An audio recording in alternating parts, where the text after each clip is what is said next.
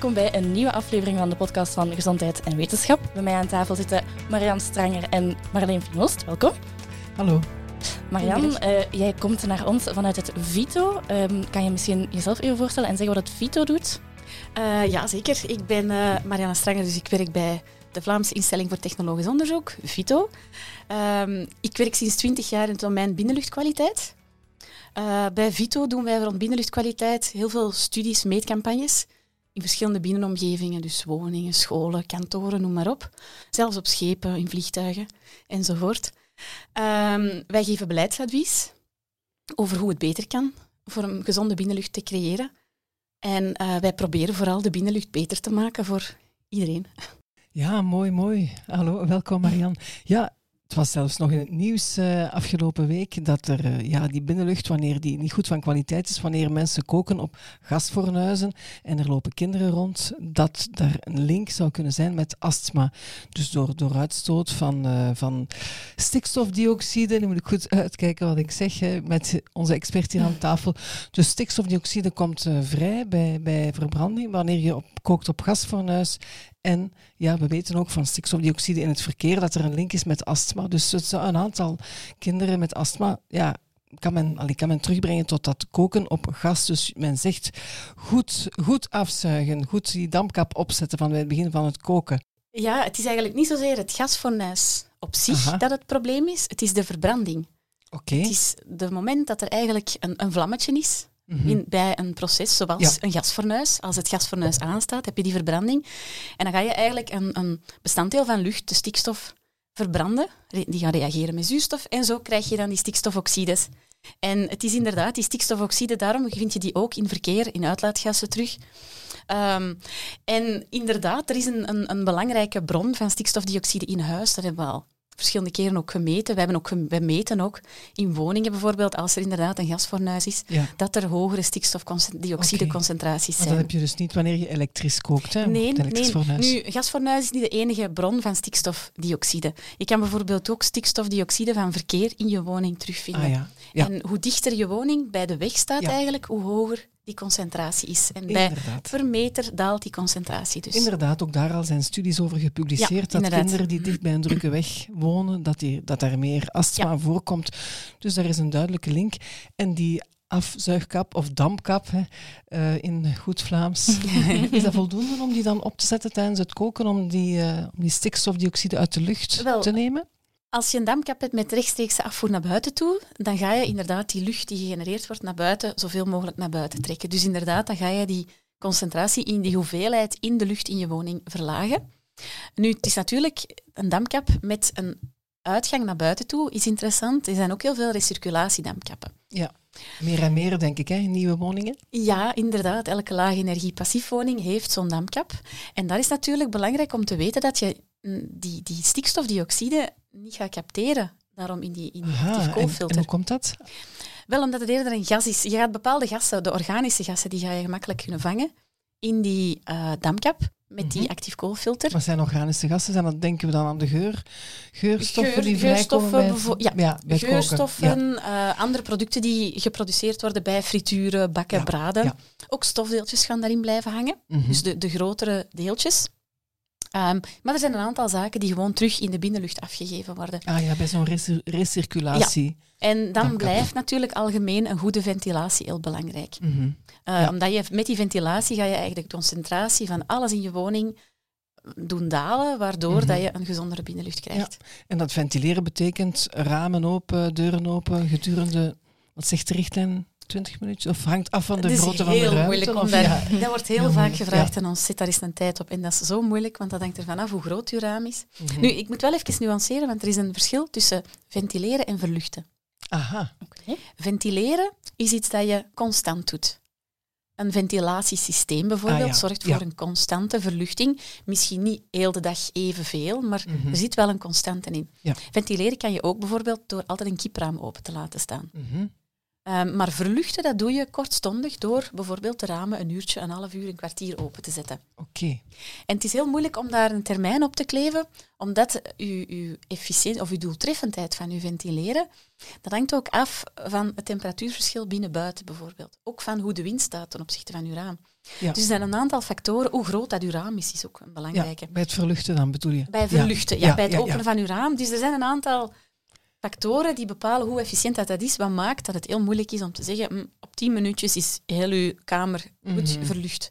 En bovendien, als je langs een drukke weg woont Ga en je je dat- verlucht ja. en de file staat voor jouw deur, dan is dat misschien Ja. toch geen goed idee. Meestal wordt er aangeraden om als je langs een drukke weg woont, niet te verluchten op het moment van eh, piekverkeer, Ja. eh, van de spits, van niet te, ver- te verluchten dan. Ehm, ook verluchten langs een raam. Hoe verder, eigenlijk, hoe verder uw raam van de weg is, hoe beter. Dus elk metertje helpt daar. Oké, oké. En moet je ook ramen tegen elkaar openzetten? Ja. Als je tocht kan creëren, dat is altijd interessanter. Hè. gaat Met het dwarsventilatie, sneller. dan ga, ja. je, ja, dan ga je veel efficiënter eh, Mhm. ventileren.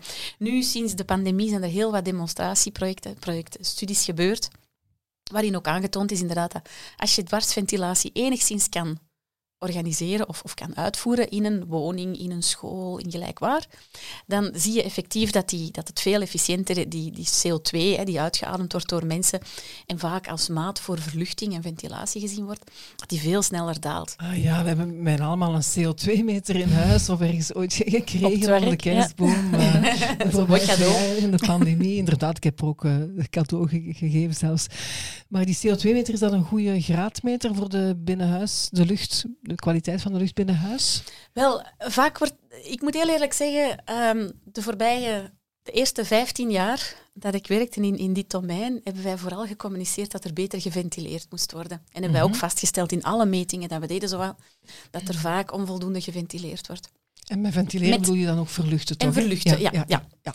Ehm, met dank, tussen aanhalingstekens, aan de pandemie, weten nu heel veel mensen wat het is om te ventileren en te verluchten. En is er ook heel wat, moet ik zeggen, weten alle mensen wel dat er zoiets is als een CO2-sensor, een CO2-meettoestel en ongeveer wat CO2 wil zeggen. Ehm, het grote misverstand wel dat we heel vaak zien, is dat CO2 vaak gelijkgesteld wordt aan de kwaliteit van de binnenlucht. En dat is Mhm. helemaal niet waar. Alleen niet helemaal waar. Het is een goede barometer, Mhm, voor ehm, het vaststellen van uw doeltreffendheid van uw verluchting of uw ventilatie mhm. in functie van uw bezetting van een ruimte. Dus hoeveel mensen dat daar zijn. Maar je kan je perfect voorstellen een grote woonkamer met twee mensen die rustig zitten in de zetel een boekje te lezen en die hebben net een nieuwe kast gekocht met een grote uitstoot van organische stoffen zoals formaldehyde. Ik denk dat heel veel mensen formaldehyde wel kennen. Het zit heel vaak in hout. En als je daar een CO2-meter gaat zetten, dan gaat die een perfecte luchtkwaliteit geven in die grote woonkamer met twee mensen. Mhm. Maar dat wil niet zeggen dat je luchtkwaliteit goed is, want er staat die kast die aan het uitwasemen is en die een stof geeft in de lucht die je CO2-metertje niet meet. Oké, en die formaldehyde, wat is daar? Is dat eh, ongezond om in te ademen? Goh, Formaldehyde is nu niet zo aangeraden. Formaldehyde geeft ook ademhalingsklachten, kan op Oké. langere termijn, bij hogere dosissen dan wel, Mhm. eh, kankers veroorzaken. Kan bij sommige mensen ook allergieën veroorzaken. Mensen, Oké. Sommige mensen zijn gevoeliger daarvoor. En dat zit in nieuwe meubelen of nieuwe Dat zit houten in, vaak in, in hout. In, ja, in hout zit dat heel vaak. Meubels zijn bijvoorbeeld een van die typische bronnen van eh, binnenluchtvervuiling, dan wel tijdelijk, want die stoffen Ja. die wasemen uit en na een tijd zijn die weg. Maar waar dat mensen ook vaak ehm, hinder van ondervinden door bijvoorbeeld een nieuwe kast die een geur in heeft. Oké, oké. Dus we moeten voor veel, om veel meer redenen verluchten dan eh, de CO2-uitstoot. Ja, absoluut. Dus het is Ja. niet alleen... En vaak wordt er gezegd, het gaat over bouwmaterialen. Dat is Mhm. ook zo. hè. Ja, en de Verven, en zo. verven, lijmen, noem ja. maar op. Nu, voor bouwmaterialen hebben we wel in België een heel groot voordeel. En dat is dat er een decreet is eh, dat de uitstoot van alle vloerbedekkingen, en zoals we dan zeggen, de hechtingsmaterialen, dus de lijmen, Mhm. dat de uitstoot daarvan beperkt. Als je vast Dus- tapijt kleeft of zo, bijvoorbeeld. Bijvoorbeeld, ja, Ja. inderdaad. Dus dat is op zich een heel goede zaak. Ehm, in alles wat je dus aankoopt in België, is per definitie beperkt in uitstoot. Mhm. Ehm, maar natuurlijk, dan zijn er behangpapieren, lijmen, verven, noem maar op, die natuurlijk nog wel een uitstoot hebben. Ja. En daarnaast zijn er de decoratiematerialen, zoals wij dan zeggen, de meubels en de zetels, Oké, oké. die daar nog eens bij komen. Ja. En Ja, dan ja. is er de bewoner zelf. Hè. Oké, die dus, we begrijpen dat we echt wel... Het is heel belangrijk om eh, iedere dag goed te ventileren en te Ja. verluchten. Weet je, eh, eh, eigenlijk is de, de algemene benadering voor een goede binnenlucht te krijgen, binnenluchtkwaliteit, dat is in eerste instantie uw bronnen beperken. Zorg ervoor dat je zo weinig uit, mogelijk uitstoot hebt. En daarna ga je ventileren en verluchten om de concentraties, de hoeveelheid stoffen die in je lucht uitgestoten worden, toch nog te, verder te doen dalen. Oké. Dus minimalistisch wonen. Amber, je bent je gaat binnenkort uh, nieuwbouw zetten, denk ik. Ja, klopt. Een klein huisje. Voilà. Zo weinig mogelijk meubelen. Wel, er is, e- enerzijds is er dus de materialen, de bouwmaterialen, de decoratie. Anderzijds is er de mensen zelf. En wat de mensen doen, welke producten dat ze gebruiken. Het, meeste, het ergste dat je als bewoner binnen kan doen, dat is uiteraard roken. Ja, dat, ja. Dat, dat, dat begrijp ik heel goed, ja. Absoluut. Um, maar nu zo'n product als parfum bijvoorbeeld. Ook. Eigenlijk, eigenlijk, eigenlijk de meeste producten die je zo kan opnoemen, hebben wel een uitstoot. De ene al wat meer dan de ander, dan de andere. De ene, um, de ene ook meer schadelijke producten dan de andere. Maar elk product heeft wel een uitstoot. Mhm. Um, en dat gaat dan ook over poetsmiddelen bijvoorbeeld. Ja. Uh, luchtverfrissers. Ja. Dat ruik je ook wel. Alles wat je Ja. ruikt is misschien Ja. ook wel... Dat je Ja, het wordt van- zelfs in bouwmaterialen wordt zelfs een aangenamer geurtje toegevoegd soms. Wordt toch een beetje te maskeren. Mhm. Ehm, dus er zijn heel, ja, heel wat elk ja, koken, stofzuigen. Stofzuigen is ook een, een, een bron van fijn stof in een woning. Mhm. Ook als je zo'n speciale stofzuiger hebt met filter voor. Ja, ja. dat. Ja, ook dan, want natuurlijk, die moet die filter regelmatig vervangen. Ehm, en dat Ah doet ja, niet dat iedereen zo. Er is Nee. nog altijd geen Ja. ideaal. Zou een stofzuiger, misschien bestaan die wel, maar mijn thuis doet dat ook niet. Zou een alarm moeten hebben, hè, als Ah ja, die. Ah, filter verzadigd is. Dat kan toch niet zo je- moeilijk zijn om dat te maken, denk nee, ik maar dan. het is niet voorzien, denk ik. En dan Mhm. denk ik dat ehm, heel veel mensen, mezelf daarbij, ehm, soms wel eens dat vergeten dat er een HEPA-filter zit en dat je die regelmatig moet vervangen. En dan af en toe heb je zo'n aha-moment. En Ja, en- inderdaad, ja. Ik, ik denk dat, ja, eigenlijk die stofzuiger die zuigt dan wel heel veel stof op. Maar er komt ook nog door die stofzuigerzak, door heel het mechanisme komt er sowieso. Je hebt je uitgaande lucht. Ja, je blaast en die ook eh, heeft ook nog, en die heeft vooral eigenlijk die hele fijne stofdeeltjes bij. Mhm. Die, dat grofstof, dat Mhm. je ook niet gaat inademen uiteindelijk. Maar de hele kleine luchtdeeltjes, die je goed kan inademen en die helemaal tot in je longblaasjes gaan, die laat die nu net Ja. terug Ja. vrij. Dus Ja. We moeten de mensen niet te bang maken. Hè. We ademen Nee. voortdurend natuurlijk allerlei stoffen in, maar ik denk het besef dat het binnenhuismilieu ook niet altijd zo proper is. En dat we, we hebben de, de voorbije decennia denk ik vooral aandacht gehad voor eh, de luchtvervuiling buiten, het autoverkeer, fabrieken en te weinig gekeken naar wat er binnenhuis gebeurt. Dat heeft de pandemie misschien wel een beetje anders allee, doen veranderen of doen Absoluut. kantelen. absoluut. Wij hebben eigenlijk tot voor de pandemie hebben wij altijd gepraat over iets dat je niet kan zien.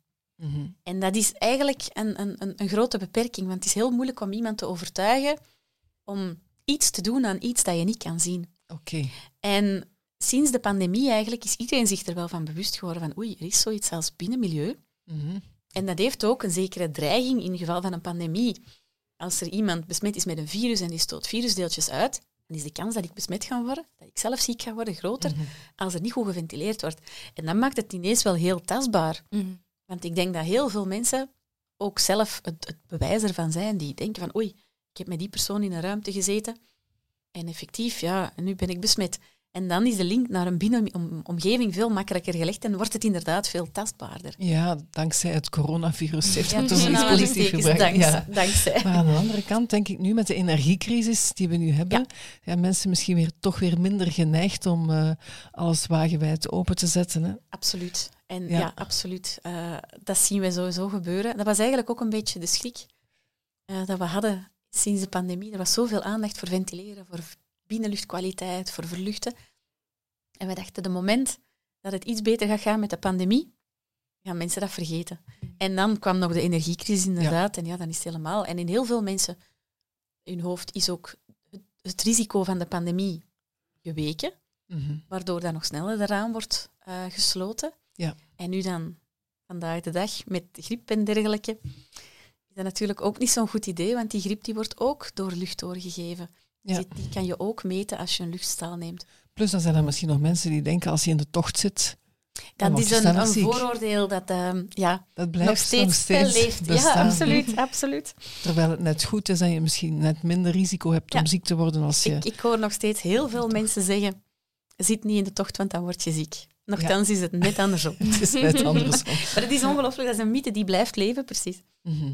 Zeer Ja. merkwaardig. Ja, En er bestaan zo van die, van die luchtzuiveringstoestellen. Ehm, werkt dat dan? Is dat een alternatief om je raam open te zetten? Of moet je dan toch nog altijd verluchten? Wel, een equivalent alternatief of een evenwaardig alternatief zou ik het niet durven noemen. Nee. Omdat eerst en vooral moet je kijken naar wat die luchtzuiveraar doet. Virusdeeltjes bijvoorbeeld, die zitten in aerosolen, in fijn stof, dat je uitademt, in kleine luchtdeeltjes eigenlijk. Dus elk toestel dat eh, fijn stof kan vasthouden, zoals bijvoorbeeld een HEPA-filter, of gelijk welk ander toestel, je hebt er nog de elektrostatische precipitatie, je hebt er heel veel technieken, die gaan inderdaad die hoeveelheid van die mogelijk besmettelijke aerosoldeeltjes vasthouden. En daardoor de hoeveelheid in lucht verminderen en dus ook uw, uw kans om besmet te worden beperken. Ehm, nu, waarom is dat dan niet equivalent of e- evenwaardig aan verluchten? Wel, ehm, als je gaat verluchten en ventileren, dan ga je ook alle andere stoffen, zoals bijvoorbeeld formaldehyde, tolueen, benzeen de enzovoort. hele kleine Ja. stofjes eigenlijk. En de gassen ook. Alle, de alle gassen, andere, ja. alle stoffen die niet gelinkt zijn aan, aan, ja, aan, die, aan stofdeeltjes. Eigenlijk alle producten die niet gelinkt zijn aan stofdeeltjes, die je kan vangen, Mhm. eh, die ga je niet meenemen, die ga je niet verminderen en die blijven gewoon aan in hun, in hun ja, En is dat het van grootste ervoor. deel van, van de vervuiling binnenshuis? Of het hangt ook weer van de activiteiten af hangt waarschijnlijk? van de activiteiten af. Hè. Je uitstoot Mhm. van virusdeeltjes wordt door heel veel Ja, bepaald. Hè. ja. Als ik nu degene ben die praat, dan ben ik de grootste Mhm. uitstoter. Mhm. Mocht ik nu beginnen roepen, ben ik nog steeds. Mocht u beginnen roepen, Mhm. bent u de grootste Mhm. uitstoter. Mhm. En mochten wij hier met z'n drieën staan springen, zijn we met z'n drieën ook een grote uitstoter. En dan komt er het stof van uit het tapijt. Nee, nee, dat komt door de inspanning. Ja, En door de inspanning Ah, hebben we ja. dan meer uitstoot. Ja.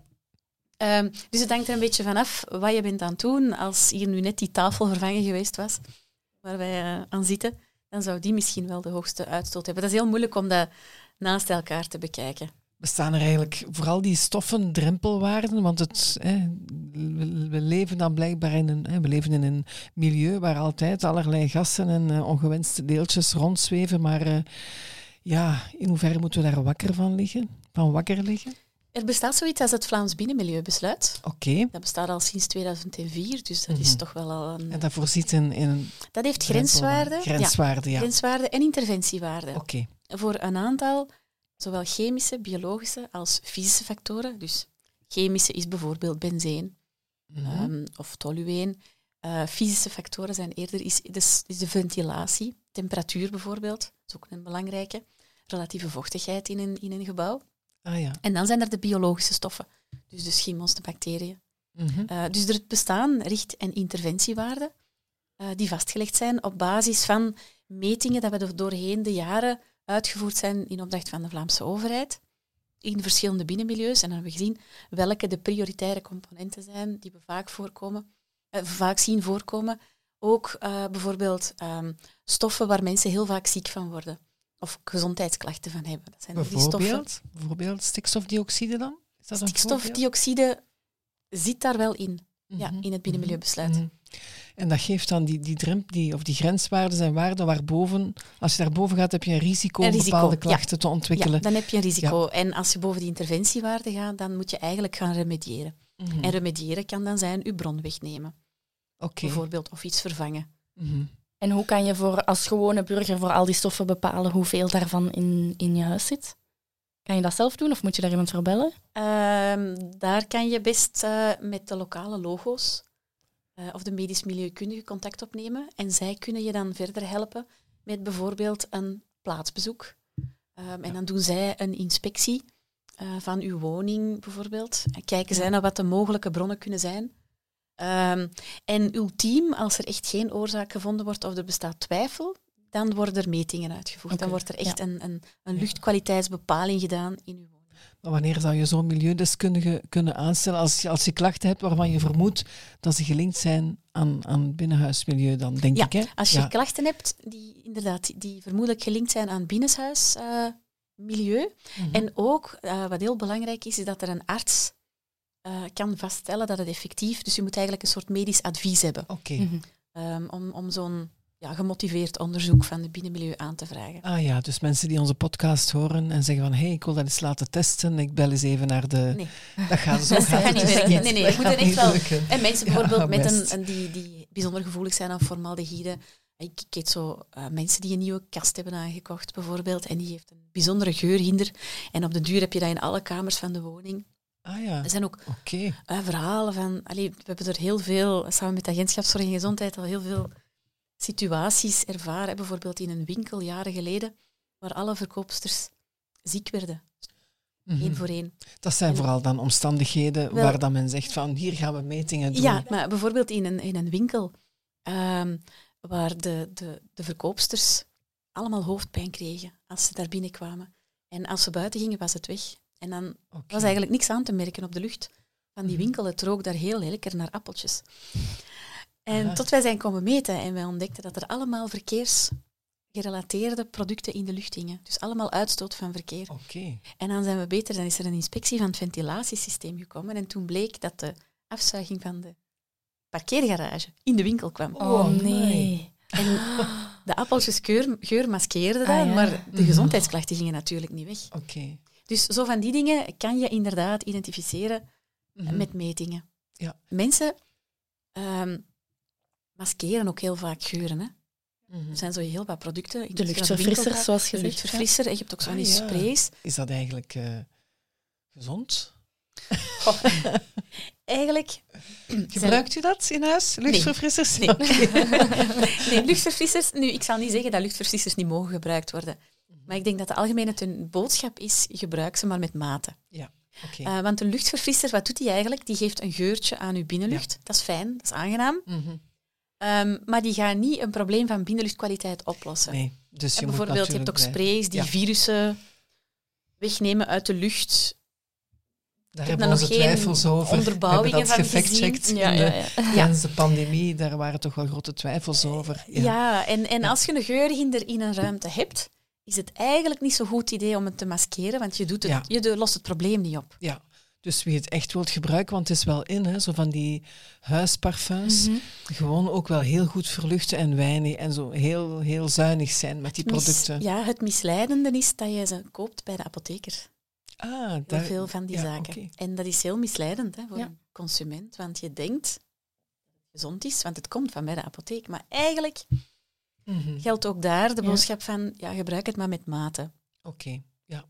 Dus wat jullie doen, het Vito, en of wat, wat u doet, u kan, wordt ook soms gevraagd om ergens te komen testen in een schoolgebouw bijvoorbeeld of zo. Ja. En hoe gaat dat dan? Vraagt een school aan het Vito van, kom wij onze doen- testen? Wij doen twee soorten metingen in scholen. Ehm, enerzijds doen wij echt de karakterisaties van een binnenmilieu op school. Dat wil zeggen, eigenlijk bepalen we wat zijn nu de typische vervuilende stoffen en in welke hoeveelheid vind je die in scholen. In Vlaanderen bijvoorbeeld, of in Europa, of maakt niet uit.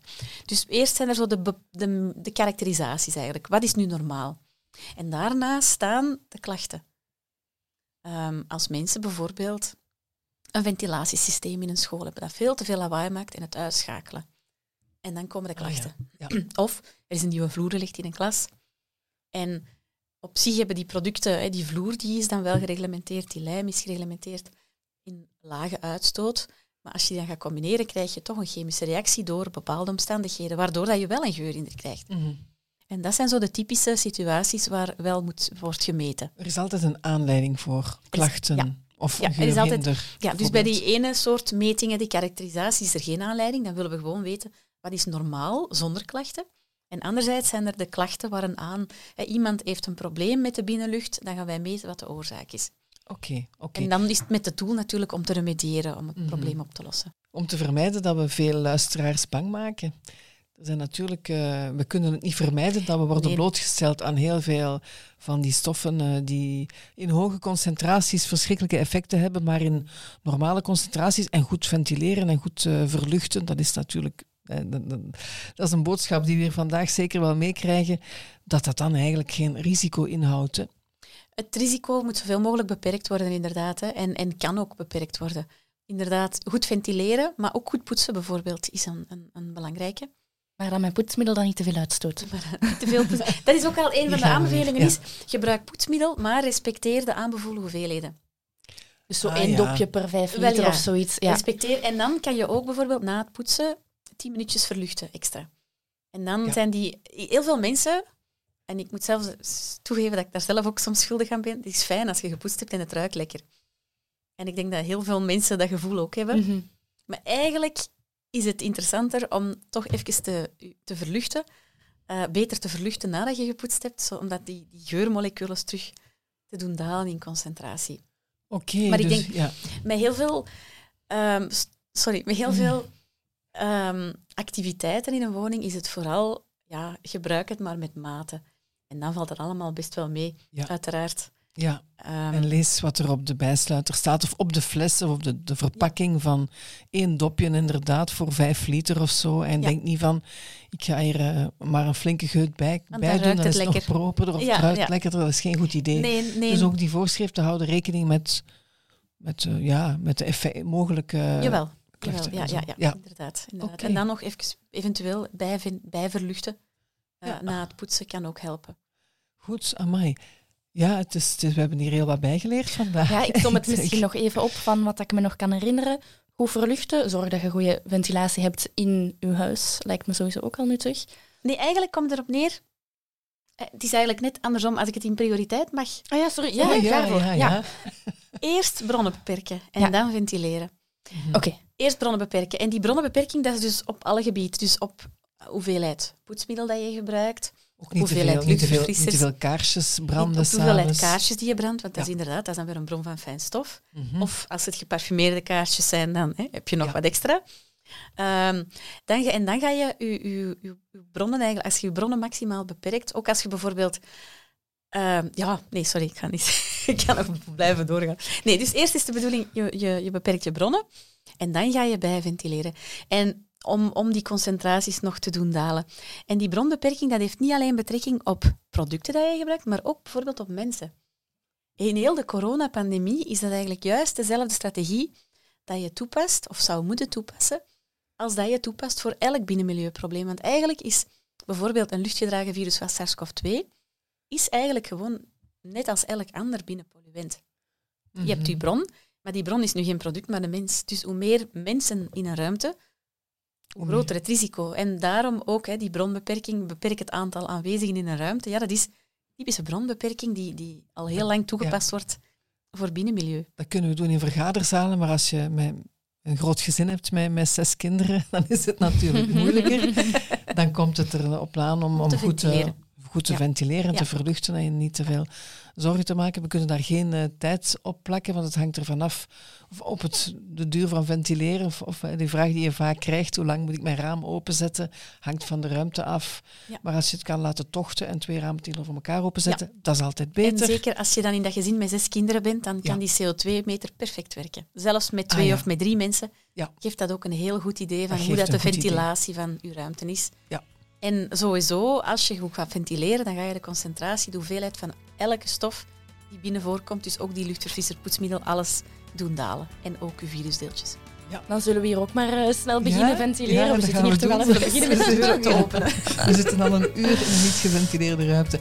Marielle, het was zeer, zeer eh, boeiend, zeer interessant. Ik hoop dat onze luisteraars dat ook vinden. Ik ben er eigenlijk ik ben er zeker van.